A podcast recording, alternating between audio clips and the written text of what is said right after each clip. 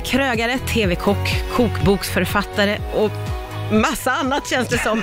Även en av svenska folkets favoriter och nu är han här. Välkommen hit! Ja, tusen tack. Roligt att du är här. Det finns så mycket att prata om med dig, men jag måste börja faktiskt och fråga hur du mår. Jag mår jättefint. Du var med om en läskig olycka som skakade upp oss alla. Vad var det som hände dig Ja, egentligen? men jag var ute och kitesurfade i somras och eh, fick ett litet jobbigt fall på alldeles för grunt vatten och bröt nacken. Det här, att, alltså det uttrycket att bryta nacken, Mm. det gör att man får, håren reser sig upp på armarna. Ja, men det har det alltid gjort på mig också. Jag, eh, jag förstod inte att jag hade brutit nacken förrän eh, dag två när jag låg på sjukhuset och läkaren kom in och sa, ja men eh, så här är det när man har brutit nacken. Och då hajade jag till så här, va? Vad har jag gjort? Ja, men du har brutit nacken. Jaha. För jag låg nämligen eh, eh, i en eh, väldigt stel nackkrage på rygg och fick inte röra mig under tre dygn. Förstod inte, jag förstod att jag var skadad, men inte hur allvarligt det var. Och det var först då det slog mig faktiskt. Och insåg hur nära det var att jag blev förlamad. Så att, ehm, för, för mig så är ju att bryta nacken synonymt med nästan döden eller att man Mm. aldrig mer kan röra sig. Men det finns alltså grader i det då, förstår jag. ja, men i själva brottet så är det, eh, är det na, naturligtvis olika grader utav hur allvarligt traumat är. Ja. Men ehm, jag har otrolig tur, ska jag tillägga. Jag tillhör nog en liten, liten, liten procentdel av de som råkar ut för den här olyckan som blir helt återställd. Så att eh, jag har haft änglavakt hela vägen. Vad tänker du om det då? Ja, Men man får en, eh, en liten... eh, Man får en eh, reality check. Det är dags att se till att ta vara på de dagarna man, man har. Vara närvarande i stunden. Ja, en sån påminnelse. Ja. Ja, det är en påminnelse. för det där säger man ju ofta att man ska Mm. vara i nuet och det är ju bland det svåraste som finns. Ja, men det är det. Men livet är skört. Ja, det är Mm. det verkligen. Det känns som att det, under den där perioden så fick du väldigt mycket kärlek eh, och det var många som uppmärksammade dig. Mm. Kan du känna att du har liksom, eh, att du har många med dig? Ja, men gud ja. Och det hjälpte något så kopiöst. Det måste man säga. Jag har ju otrolig tur som har eh, fått så pass mycket tillbaka utav människor som kanske jag aldrig träffat ens. Eh, och det hjälper enormt i en sån eh, situation. Så att eh, till alla andra där ute som har råkat ut för någonting, känn kärleken härifrån. För det, Ja. det behövs verkligen. Ja, men jag kan tänka mig att, att det betyder väldigt, väldigt mycket Mm. eh, att känna det. För, för återigen, jag, jag kallar dig för en av svenska folkets favoriter och det står jag verkligen fast vid. Du är så otroligt omtyckt av så många. Eh, och, och så händer en sån grej, då tänker jag att du liksom får känna av den kärleken. Så in i. Så in extra mycket. Ja, verkligen. Ja. Otroligt mycket. Ja, Jag är glad att du mår bra och att Tack. du hade änglavakt och att du är här. Eh, Vi har jättemycket att prata om. Eh, Dels så vill jag prata om eh, din nyöppnade lanthandel.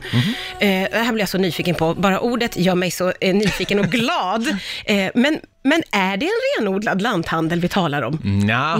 det kan man väl inte riktigt påstå att det Nej. är. Det är en restaurang Ja, ja. med tillkopplat en eh, butiksdel Ja, som vi kallar för lanthandel. Ja, just det. Och anledningen att vi kallar det för lanthandel handlar ju mycket om att den fyller vi med eh, grönsaker, med eh, förädlade grönsaker och drycker som är från det lokala området. Ah. Så eh, hos oss så kan man alltid skörda i lanthandeln eh, grönsaker, drycker, eh, kan vara kimchi, su- surkål, alla möjliga olika varianter.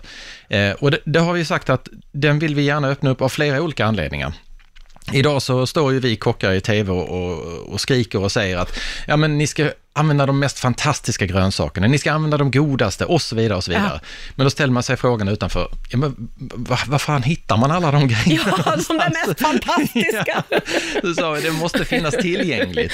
Ja. Så det som vi använder i köket, det är det som finns i lanthandeln. Ah, okej. Ja, ja, ja. Så vi jobbar hela tiden från lanthandeln eh, som, en, som en bas där vi har våra grönsaker. Vi plockar där, skördar där och så tar vi in i köket, lagar maten på det eh, och så cirkulerar det på det här sättet hela Ja. tiden. Så att det vi använder och lägger i tallrikarna, det ska man absolut kunna köpa hos oss. Det känns ju som, tycker jag, att matlagningsbranschen, vad nu det är för ord, eh, har fått gå lite i bräschen för hållbarhetstänk och att vara liksom medveten. Kan du känna av det? Mm, men det tycker jag också att det är. Jag, jag tror det är så här att restaurangen, eller restaurangerna de senaste 20, 25, kanske till och med 30 åren, har satt några former av trender som har blivit samhällsmönster senare. Ja. Eh, vara medveten om eh, eh, din lokala producent, eh, köttet kommer härifrån, grönsakerna är härifrån. Och ett, tu, tre så växer det där till ett medvetande att man börjar ställa frågan i butik, jaha, var kommer det här köttet ifrån? Ja. Eh, De här grönsakerna då, vem har gjort, eh, odlat de här? Och, och det, det där är en bra spin, det är en bra spin-off-effekt på, på den här biten. Nu så eh, har vi en utmaning framför oss när det gäller miljön och eh, då är det härligt att kunna jobba i en bransch där man kan, där man kan få lov att ta lite spännande steg. Ja. För, för med vår lanthandel så har vi ju sett till att vi har ett cirkulärt tänk i allt. Vi har haft stora utmaningar med att bygga det, men gud vad roligt det är. Ja. Alltså det är fantastiskt. Bordsskivor av kronärtskockor. Va? Eh, stolarna gjorda av plast från haven. Ja, nej, men är det Eh, sant? Ja visst, vattenglasen, det är gamla vinflaskor som har kommit från eh, de som bor i fastigheten och topparna har vi gjort lampor utav. Alltså det här tänket att få in det i allt. För en gammal gubbe som mig som har varit i branschen så länge, så är det jättespännande när man börjar öppna ögonen Ja. och tänker, "Ja, men herregud vilka resurser det finns överallt. Det är ju jättespännande. Ja, det låter ju väldigt roligt, och, att det är roligt att jobba med och, och liksom ha det där tänket. Gud ja. Och jag tänker också att det måste vara ganska roligt att få vara, även om, som du säger, du är en gammal gubbe, vilket du inte är, eh, att få vara en förebild, en föregångare för alla oss andra, att man liksom, man kikar ju på er och vill göra lite lika. Det är ju jättekul om, om man vill det, men det är ju inte därför vi... Nej, men det fattar jag, men jag att snällt ni- sagt att, men jag, jag, jag tycker bara det är väldigt kul att göra det. Ja. Och om det kan inspirera andra till att börja leta i sin omgivning efter eh, vad som skulle kunna passa dem Mm. att göra, av någonting som redan är använt. Men, fantastiskt. Ja, roligt. Vi ska också låta dig eh, sammanfatta 10-talet lite grann. Eh, det har ju precis i dagarna slagit mig att 10-talet håller på att ta slut här nu. Mm, skälvande sista. Eller hur? Plötsligt kom jag på det. Eh, och då vill man ju gärna, eh, listor är alltid roligt, man vill sammanfatta.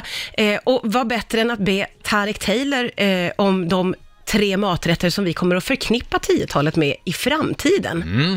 Jag, jag har tänkt lite på det. fall. Ja, ja. Det första som slår mig det är att eh, snabbmaten, eller vissa delar av snabbmaten, tog eh, steget in i finrummet. Och då tänker jag på hamburgaren. Just det. Hamburgaren har lämnat eh, de långa stora kedjorna och istället börjat bilda fina restauranger som vi gärna besöker och de sprider sig som nya kedjor. Kvalitetsburgaren har, har kommit in. Ja. Den tror jag vi kommer, vi kommer minnas. Den andra saken vi kommer minnas, tror jag, det är hipstersen som syrade och bakade surdegsbröd och Åh. surdegshotellen Oj, ja, och ja, allt ja. det där som vi, som vi gick upp i totalt. Ja, det där ville man vara med på. Ja, surdegen fick mer, bättre behandling än våra barn ett litet tag. Och sen så tror jag också den sista biten, det blir mikrobryggerierna. För eh, tio år sedan så kunde vi inte hitta så där många olika sorters öl och nu är det hundratals. Ja. Det handlar inte ens om eh, det här bryggeriet ligger i kvarteret, utan det här bryggeriet ligger i källaren. Ja, ja, det, det är här Det är svårt gäller. att undvika dem. Ja. Otroligt bra sammanfattat och så himla, himla roligt att du kom och hälsade på mig här på Rix FM idag. du är välkommen tillbaka när du vill. Tack tack för idag.